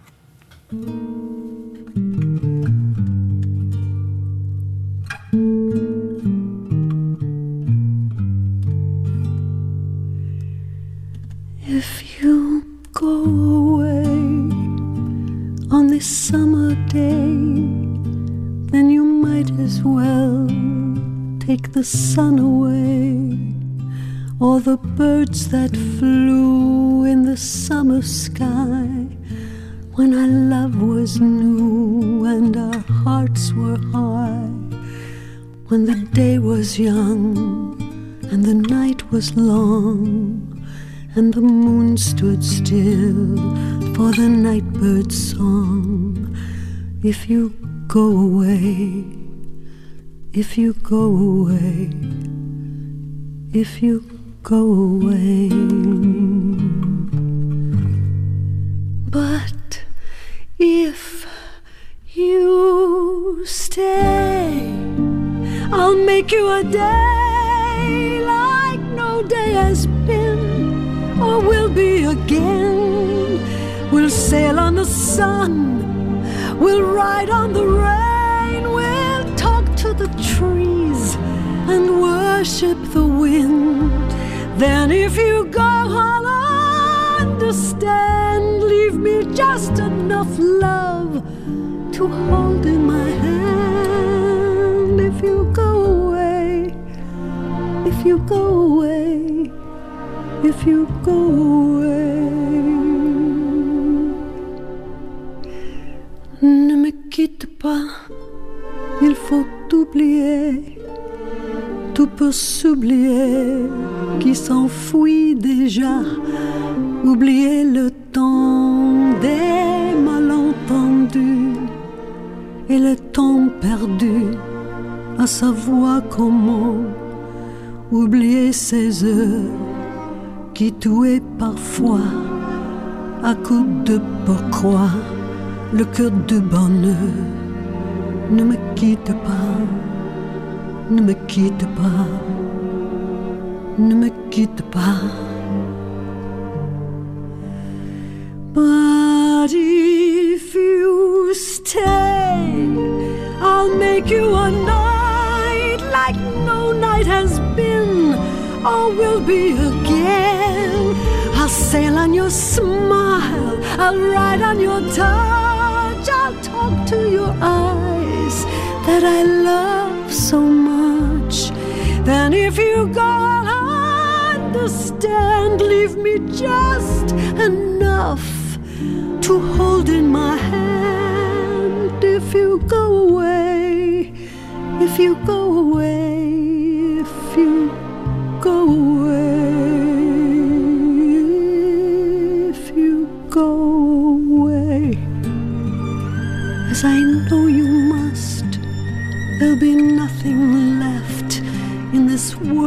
to trust.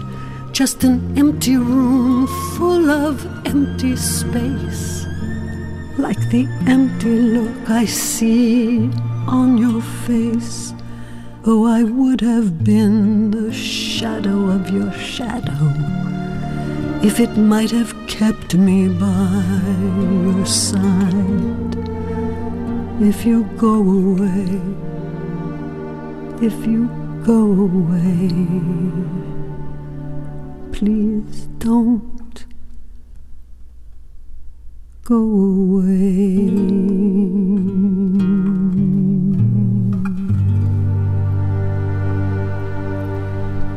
Barbara Streisand op haar eh, CD Love is the Answer, de jazzplaat die ze heeft gemaakt met Diane Krall. If You Go Away was dit, haar versie van uh, Ne me quitte pas. Roger Soevereins, uh, welke betekenis heeft uh, Barbara Streisand voor jou? Omdat Barbara Streisand was de, de zangeres die mijn dochter echt bijna aanbad, of hoe zeggen Ja, ze, aan, aanbidden. Ja. Die luisterde daar iedere dag naar. En dat is voor mij, dat is doorgedrongen in mij. Ja, hoe komt dat dat ze zo'n grote liefde had voor Barbara Streisand? Wat zag Zij ze was, daarin? eh, ze had foto's van haar in haar kamer, eh, posters. eh, maar gewoon, ja, dat was haar preferé. Ja. Wat voor iemand was jouw dochter? Eh, zeer eh, moeilijk kind. Eh, zeer eigenwijs. Eh, studeerde zes maanden, stopte ze en dan ging ze iets anders doen. Wispelturig. Ehm, niet stabiel. Mm. Je hebt het boek aan haar mee opgedragen, hè? Ja. Ehm, ja. Als een soort hommage. Als ik dat zo mag zeggen, ja. Ja, want het is niet goed afgelopen. Nee, zij is dus uh, door haar ziekte is, uh, gestorven. Ja. Heeft dat jou um, pijn gedaan? Uh, vond je het moeilijk? Dat je... Het heeft me heel veel verdriet gegeven, maar in die periode heb ik dat gemakkelijk verwerkt. Ja? Ja, dat heeft, het heeft tijd genomen, maar dat is goed gegaan. Ja. Maar de dood van mijn zoon, dat heb ik uh, heel moeilijk verwerkt. Ja. Want zij uh, had anorexia, hè? Ja. En jouw zoon, Lot, heeft jou niet gespaard? Een hart gehad. Mhm. Na een ongeval. Want hij had ook Nee, een het ongeval ongeval gehad, was eh, eh, bijna twee jaar vroeger. Hè? Mhm. Dat- Dus het is niet door het ongeval. Nou, Mhm. Dat weten we niet. Ja. Hij, heeft, eh, hij, is, hij zat bij zijn vriendin en plots zat hij in de stoel en het was voorbij. En het ongeval, hoe eh, kwam dat nieuws een bij jou binnen? motorongeval in Maastricht eh, is hij alleen tegen een boom gereden. Mhm. En eh, ja, Hoe kwam dat nieuws bij jou binnen? dat nieuws kwam binnen telefonisch. De politie van Maastricht belde mij op en, en ik ben onmiddellijk naar Maastricht gereden. En hij lag, hij lag in de kliniek eh, in een bloedbad. Er was nog niets gebeurd. Hij was er, hij was er misschien een uur. Want Hasselt-Maastricht is geen afstand. En hij is 13 maanden in, de kliniek, in de klinieken geweest, van de ene kliniek naar de andere. Ja. Je bent aan zijn ziekbed gaan zitten. Hè? Ik ben daar gaan zitten, weken, weken achter elkaar. En zijn moeder, die verving mij in de namiddag en ik deed het 's morgens. Mhm. Dat moet een ehm, heel bijzondere periode En geweest dat is zijn. daarom heb ik mijn operatie van mijn nek een jaar uitgesteld. Omdat hij dus hulp nodig had. Mhm. Hoe was het voor jou om zo dicht tussen leven en dood te staan, om dat te zien? eh, en het al hebben meegemaakt op dat moment? Eh, dat was heel moeilijk, maar ik heb nooit gedacht dat hij zou doodgaan. Dat heb ik niet gedacht, want het was een knie, een heel zwaar knie verbrijzeld. Dus die hebben ze eruit gehaald, hebben ze in een kanische knie ingestoken. Voor de rest heeft hij klaplong gehad en, daar en alle mogelijke verwikkelingen. Maar niet in de zin dat, dat, ik, dat ik inzag dat hij zou doodgaan. Nee, dat heb ik niet eh, gevoeld. Mhm. Wat voor vader was je voor hen? Eh, bij mij ging de zaak op de eerste plaats. Dat heb ik altijd zo gehad. Maar ik was thuis. Zij kwamen thuis van school, was ik er. We aten iedere avond samen. En eh, veel, vaak ontbijten samen. Eh, de, de dag dat ik in verlof was, ja, waren ze op school. En woensdag namiddag deed ik soms iets met de kinderen. Ik ging wel ieder jaar met hen skiën. Met de vak- zomervakantie deed ik met hen. Maar door het feit dat ik geen tijd had voor mijn kinderen te volgen, heb ik gedurende vier of vijf jaar een sportleraar ingehuurd die ze de zaterdagmorgen ophaalde, die de ganse dag sport met hen deed, s'avonds ging eten met hen of at bij ons met hen en ook de zondag.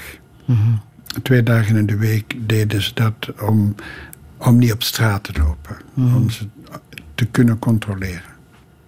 Hoe moeilijk is deze kerstperiode voor jou? Eh, ik denk eraan, maar eh, het leven gaat verder. Je hebt geen keus. Mhm. Morgen is een nieuwe dag. Ja? En wat die brengt, weet je niet. Wat brengt jou echt troost? Kerstmis brengt mij eh, troost, ja. Ja? ja. Daar heb ik dik over na. ja. Zijn zij in de gesprekken aanwezig, jouw kinderen? Zijn ze in de gesprekken aanwezig? Praat je er nog vaak over? Regelmatig. Ja. Niet altijd. Want ik vind niet dat je moet de zingen altijd herhalen. Omdat je veel met dezelfde mensen bent. Mhm. ja. Christian heeft een restaurant. De Christian zit in Knokken. Ik was daar deze morgen. Ja. Dus je bent er nog altijd zo nauw bij betrokken. Ik ben er niet bij betrokken, maar wel in mijn gevoelens. Ja.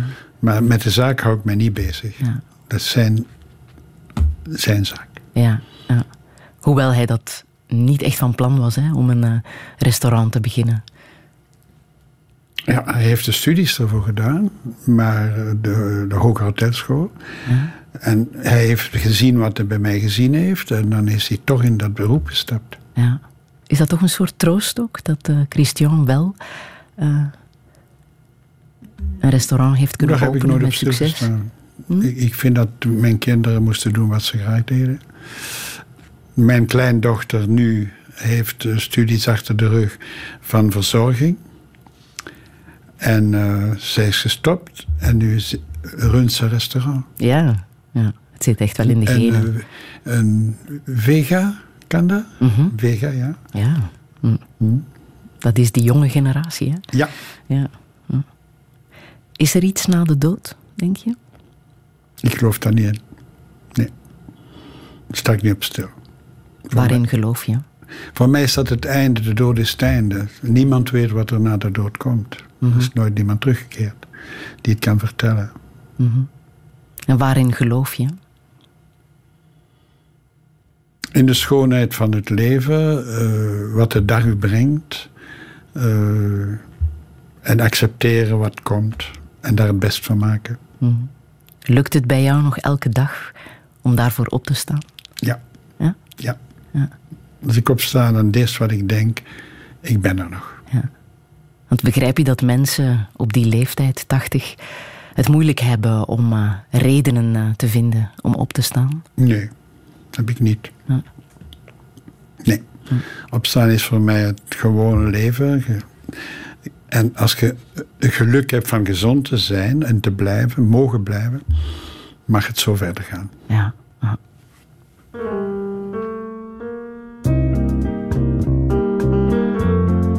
Quand j'étais gosse, haut comme trois pommes, je parlais bien fort pour être un homme. Je disais je sais, je sais, je sais, je sais.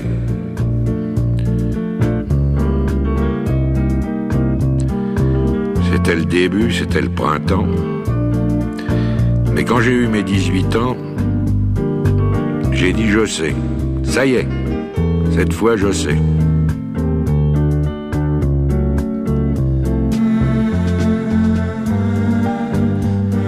Et aujourd'hui, les jours où je me retourne, je regarde la terre où j'ai quand même fait les 100 pas, et je ne sais toujours pas comment elle tourne.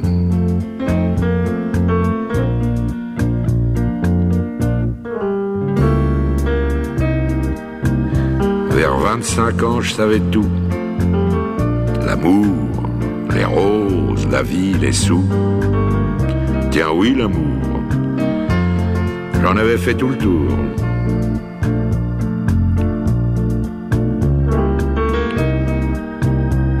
Mais heureusement, comme les copains, je n'avais pas mangé tout mon pain. Au milieu de ma vie, j'ai encore appris.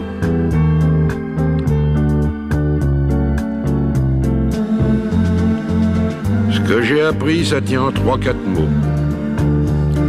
Le jour où quelqu'un vous aime, il fait très beau. Je peux pas mieux dire, il fait très beau.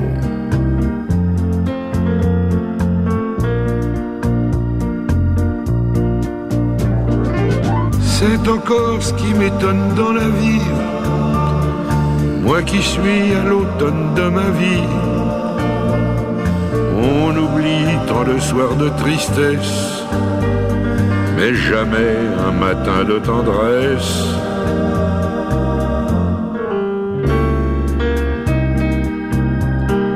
Toute ma jeunesse, j'ai voulu dire je sais. Seulement plus je cherchais, et puis moi je savais. Il y a 60 coups qui ont sonné à l'horloge. Je suis encore à ma fenêtre. Je regarde et je m'interroge. Maintenant je sais. Je sais qu'on ne sait jamais. La vie, l'amour, l'argent, les amis et les roses. On ne sait jamais le bruit ni la couleur des choses. C'est tout ce que je sais. Et ça, je le sais. Jean Gabin met dat uh, fantastische nummer uit 1974, Maintenant je sais. Roger Soevereins, het is een nummer dat jou emotioneert. Hè? Absoluut. Ja, altijd als je het altijd. hoort? Dan rollen de tranen. Als ik dat hoor, dan krijg ik een vochtig oogje. en welke betekenis zit er in dit nummer voor, voor jou? mij is het uh, zijn 18-jarige wiste malles en toen hem stierf wisten het nog niet. En dat is eigenlijk het leven, de, de afwisseling van de dag, de verrassingen van de dag. En dat moet je erbij nemen. Mm. Is dat herkenbaar voor jou? Dat je als jonge man denkt ik weet alles, maar hoe ouder je wordt, hoe minder je weet? Ik heb nooit beweerd dat alles wist, maar ik was wel een beetje eigenwijs. Dat wel. Mm -hmm. Maar uh, nu weet ik nog niet alles. Omdat ik te veel gewerkt heb, te weinig tijd genomen heb voor mezelf en te weinig uh, met mijn vrienden omgegaan. Die, ik, de vrienden kwamen altijd eten en dan zag ik ze. En dan soms nodigde ik ze uit. Soms kwamen ze om 11 uur s'avonds een hapje met me eten en een glas wijn drinken. Maar bon, ik heb, ik, ik, heb nooit tijd gemaakt voor buiten mijn keuken voor veel dingen. Mm. Heb je daar spijt van? Nee. Nee? Nee. Mm. Als je het leven opnieuw zou doen? Zou ik hetzelfde doen. Ja? Ja. ja. Mm. Want familieleven en uh, het leven dat jij hebt geleid blijkt toch moeilijk verenigbaar is, geweest te zijn. Dat is bijna niet verzoenbaar. Mm -hmm. Je moet een sterke vrouw hebben die dat beleeft en kan beleven. En dat mijn, mijn, de moeder van mijn kinderen was, ja, die accepteerde dat. Tot op een zekere dag. Niet meer. En dan, en mijn actueel, mijn Walda Du, Walda Perron, uh, Walda Mertes is haar naam, die is anders van, van cultuur en van ingesteldheid. Aha. En die accepteert dat. Ja. Je bent nu 80. Wat zou je echt nog willen in het leven? Gezond blijven. Verder doen met wat ik kan doen. Als mijn gezondheid het toelaat. En ik heb altijd gezegd, ik wil sterven in de keuken. Voilà. Je gaat echt koken tot het einde? Dat weet ik niet. Aha. Dat hangt van uw mechanisme af, van, uw, van hoe ze voelt. En, uh, ja, want fysiek heb je ook al wel wat meegemaakt, hè? Ja, ja, ik heb... Uh, ja. Maar nooit inwendig. Altijd uh, de scharnieren en, de, en zo verder. De mechaniek. De mechaniek, ja, ja. Heeft het af en toe wel eens laten afweten. Ja, ja. ja. ook soms door, ja. Auto-accident. ik heb er maar een stuk of vier gehad, twee ernstig, maar bon. Mm -hmm. Ja. Maar dat heb je gevoeld? Dat heb ik gevoeld. Ik ja. voel het nog. Ja. Maar ik wil het niet voelen. Je hebt ook tradities die je in ere houdt. Hè? Elk jaar naar Positano, dat uh, blijf je doen? Uh, dit jaar zeker nog en dan zien we wel. Mm. Want daar zit ook een soort oud-leerling uh, van jou. Daar zit van mij Alois van Lanaker, die uit Diepenbeek komt. Ja? Die was ook op het feest. Aha. Ja, een leuke jongen, een zeer leuke jongen. En die heeft ook een uh, hotel-restaurant daar? Nee, je... die werkt als chef-kok in het, in het Hotel San Ah. Pietro in Positano. Ja, en daar trek je naartoe. Daar zit hij al 13 jaar, geloof ik. Ja. En daar gaan wij naartoe. Ja, ja. Dat is zo'n beetje ons, ons plekje waar we graag naartoe gaan. Roger Soevereins, hoe zou jij herinnerd willen worden? Hoe kan herinnerd worden, daar heb ik geen antwoord op. Uh, dat ze respect hebben voor wie je bent en dat, ze, dat het, het einde zo, zo mag, uh, mag zijn. Ja. En voor alles wat je hebt gedaan uh, in uh, de gastronomische wereld, wat zou je willen dat ze echt van jou onthouden? Het is geschreven in een boek. Dus dat, dat geeft een, een kijk op wat ik deed en hoe ik het deed. En mensen die het anders uh, hebben gevoeld en gedaan, ja, dan is spijtig voor mij. Niet voor hen, want zij hebben hun richting gekozen, hebben hun leven opgebouwd met hun principes en dat respecteer ik. Ja. Welke boodschap zou je nog graag willen meegeven hier? Dat wat ze doen, dat ze dan moeten doen met hart en ziel. Mm -hmm. Met een ingesteldheid van perfectie en eerlijkheid. Ja. Want perfectie kan ook heel moeilijk zijn, hè? Maar voor iedereen is perfectie anders. Mm -hmm. je kunt perfectie niet uh, al veralgemenen. Dat is, uh, bij iedere persoon is, is, heeft hij een ander doel, een andere manier van dat te zien. Ja. Je kan ook leren uit het falen natuurlijk. En dat is ook zo. Ja. Vallen en opstaan. Absoluut, ja. Um, ik heb nog één nummer uh, dat ik zelden of nooit draai, maar ik denk dat het nu wel heel erg passend is. My Way van uh, Frank Sinatra hier in duet met uh, Paul Anka, een bijzondere versie. Um, is dat een nummer dat... dat uh... Ik hou van... Ik heb de, Frank Sinatra heel, heel lang beluisterd. Ja. Ik vind dat hij een stem had in fluweel. Ja. Van prachtig het idioot, wat hij deed. Bon. Heb je hem ooit kunnen ontmoeten? Nee. Nee, dat nee, niet. Want ik ben nooit in die re regionen geweest. Ik ben een paar keer in LL geweest. Uh, ik heb daar een goede vriend, uh, Eddie Kerkhoff, -hmm. die daar een restaurant heeft. Maar ik ben nooit in Las Vegas en al die... Daar hou ik niet van. Ja. Maar New York wel, hè? Daar ga je New ook York, nog, uh, absoluut. Maar dat heeft niets te maken naartoe. met Frank Sinatra. Nee, nee, nee. Maar daar uh, uh, ga daar je ook nog graag, altijd Daar ging ik naartoe. graag naartoe, ja. ja. En nog altijd om te werken? Ja, dat is niet meer werken, hè. Mensen begeleiden is niet werken. Hè. Werken is aan de kachel staan en de servies draaien en Ja. echt koken. Maar dat doe ik dan niet. Ja. Wat doe je daar nu uh, Ik, nog in? Uh... ik coach de mensen, ik Mhm. verander de kaarten, ik, ik, ik geef de andere recepten die ze inkoken met mij samen en, Ja. en ik proef die. En, uh, Dat is in de Lowell. in het Lowell Hotel. Ja. ja, En het restaurant noemt La Majorelle. ja. Daar kunnen mensen jou uh, tegen Daar het kunnen ze mij soms vinden. Ja.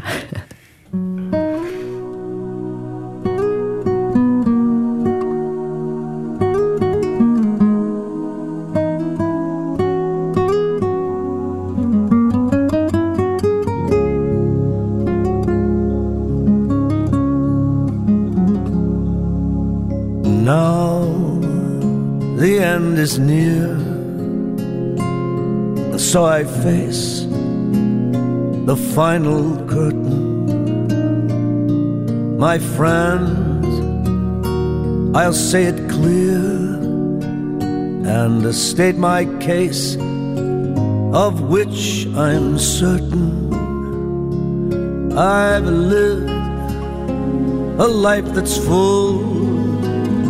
I traveled each and every highway and more, much more than this.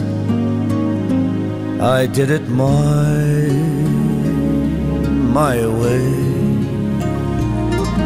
Regrets, I've had a few, but then again, too few to mention. I did what I had to do saw it through without exemption. And I planned each charted course, each careful step along life's byway. And more, much more than this, I did it my Yes, there were times I'm sure you knew when I bit off more than I could chew. But through it all, when there was doubt, I ate it up and spit it out. I faced it all and I stood tall and did it my way.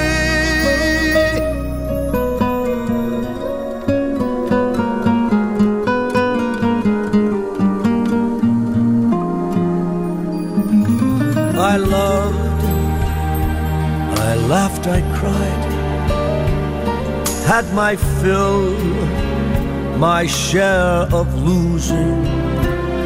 And now, as tears subside, I find it all so amusing just to think I did all that, and may I say, not in a shy way. Oh no, oh no, not me. I did it my way. For what is a man? What has he got? If not himself, then he has not to say the things he truly feels, and not the words of one who kneels. The record shows I took the blows and did it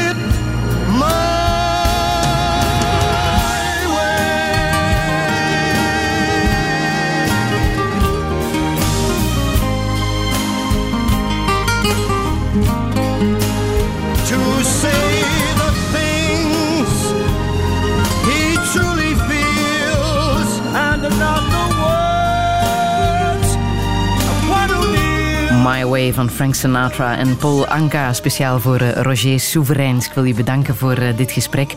Alle info staat na te lezen op radio1.be. Volgende week laten we de hoogtepunten uit het voorbije jaar horen.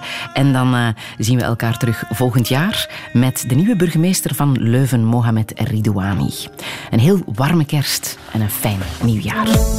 Herbeluister Douché via de podcast, Radio 1-app en radio1.be. Touché.